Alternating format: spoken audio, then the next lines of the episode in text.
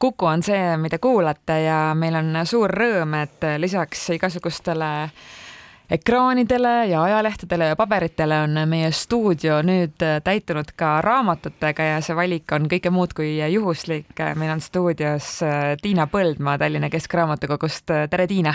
Tere hommikust! no parem osa raamatukogu varudest on nüüd siin, ma saan aru ligilähedaselt mitte, me eile just arvutasime kokku, palju meil raamatuid nii, on. nii, kui palju on? Eh, sada kolmkümmend tuhat on minu majas, eh, see on siis Est Estonia puiestee kaheksa. sada kolmkümmend tuhat. Eestikeelse kirjandusosakond. seal on siis need duubelraamatud ka või? jaa, kõik, kõik, mis on mm -hmm. ja, ja mitte ainult ühikuid. nimetused, ühikuid mm, -hmm. eksemplare. ja kui palju nendest on äh, nii-öelda üle tähtaja inimeste kodudes? Ahaa, nii üks, kaks ehm,. väga arvan, väike osa. ja, ja, ja, ja no väga hea, aga alustame esimese raamatuga pihta ja no ma julgen öelda selle kohta, et see on teatud ringkondades küll juba menuk. ja absoluutselt, et pärast, minu arust kohe pärast ilmumist äh, läks see kõigi raamatumüügi äh, edetabelite tippu ja õigustatult, et paljusid äh, tõmbas kindlasti see autor Virginie Despentes võib-olla hääldasin täiesti valesti selle prantsuskeelse nime praegu, aga äh, tegemist on esseekogumikuga erinevatel äh, päris äh, rasketel, keerulistel teemadel, ta räägib avaveel, avameelselt kogetud seksuaalvägivallast, ähm, muidugi ka ühiskondlikust survest, survest naistele ähm, üldse sellest, kuidas, kuidas vaadeldakse naisi, mis näiteks mingisuguse teatud malliga ei sobi või üldse, kui vähesed tegelikult sobivad mingi kindlaks määratud ilu või olemise ideaaliga. sõnakasutus on selline väga ähm, väga julge, tagasi ta end ei, ei hoia, aga noh, need keerulised teemad selles mõttes, et õigustavad sellise ke käredama keelekasutuse, ma, ma ütleks. Ja äh, millest siin veel räägitakse, ongi näiteks täiskasvanute filmitööstus, äh, naised, kes valivadki endale maailma kõige vanima ameti teadlikult.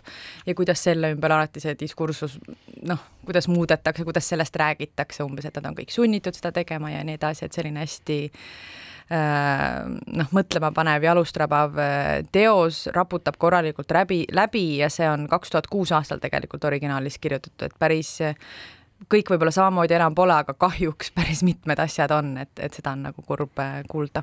ja kui äh, sellest jääb väheseks, siis äh, eesti keeles on ka Vernon Soboteksi teosed ilmunud Just. samalt kirjanikult, ehk kui keegi tunneb, et ta kannatab seda sõnavalikut veel, küll pisut teisest, teisest nurgast, siis andke ka minna mm. -hmm. et lugemis, lugemisest see nagu välja ei tõmmanud, see keelekasutus, kes sellega tavapäraselt nii, nii-öelda harjunud ei ole, aga aga see oli ääris, ääretult mõjus minu arvates selles äh, lühikeses äh, esseekogumikus ilukirjanduse kõrval ma vaatan, oled sa võtnud kaasa ka ühe käsiraamatu. Ja Liina Ostumaa, ma ei tea, aga ma uurin välja, mis on äh, lause, mis on põhimõtteliselt raamatukoidjate deviis, et raadiotöötajatel ka.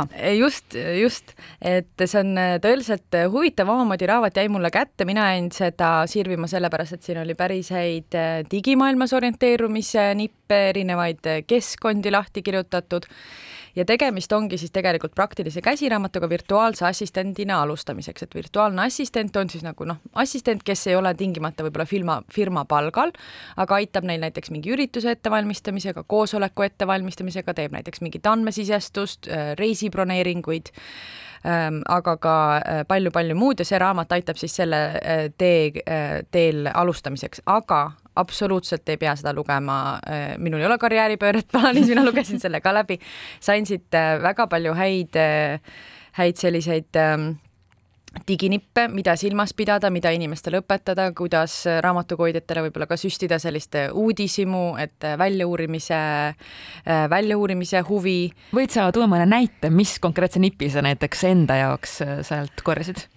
okei okay., seda ma oleks võinud ette mõelda natukene um, ma kindlat konkreetset, esimene, mis mul pähe tuleb, mida ma olen äh, sel aastal päris palju tööintervjuudel osalenud, on see, et inimesed ei tutvu firma kodulehega mm. -hmm. et eriti näiteks kui raamatukokku tööle tulla, et siis paljud ei vaata meie kodulehtegi, et, et siin on ka just, et noorele, kes alustab oma karjääri või inimene, kes tahab karjääripööret teha, annab nippe, kuidas tööintervjuukski kasvõi ette valmistada, et uuri natukene, ole huvitatud, äh, vaata veebileht üle, et, et see siis noh, mina, mina seda nagu teen aga, aga see on selline asi, mida ma olen täheldanud, et kõik võib-olla selle peale ei tule, et see on nagu minu arust alati hea koht äh, alustamiseks.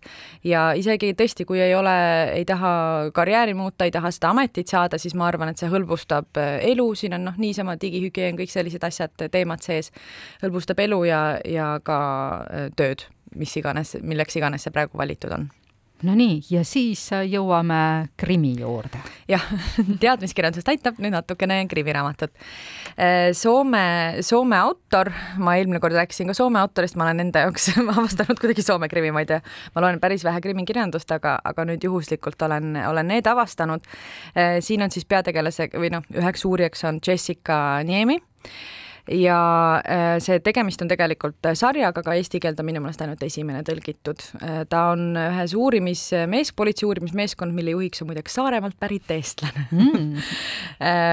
ja nemad hakkavad uurima kuritegu, kus kuulsa krimikirjaniku Roger Copponeni naine leitakse tapetult ja see mõrv on üks-ühele maha viksitud selle mehe raamatust, romaanist.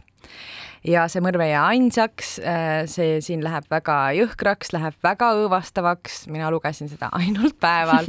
Õhtul seda lugeda ei julgenud, siin on natukene tuleb sellist esoteerilist joont sisse, on rituaalid või noh, viidatakse rituaalidele, riitustele.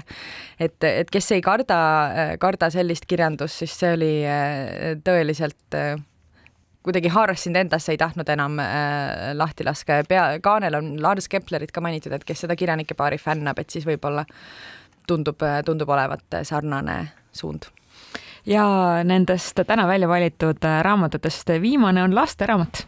ja tahtsin positiivsel noodil lõpetada pärast neid riituseid, et ähm, äh, Lotta avastab maailma metsas ja aias äh,. autor oli äh, kohe uurin välja selle, ma juba unustasin ära, Sandra Grimm.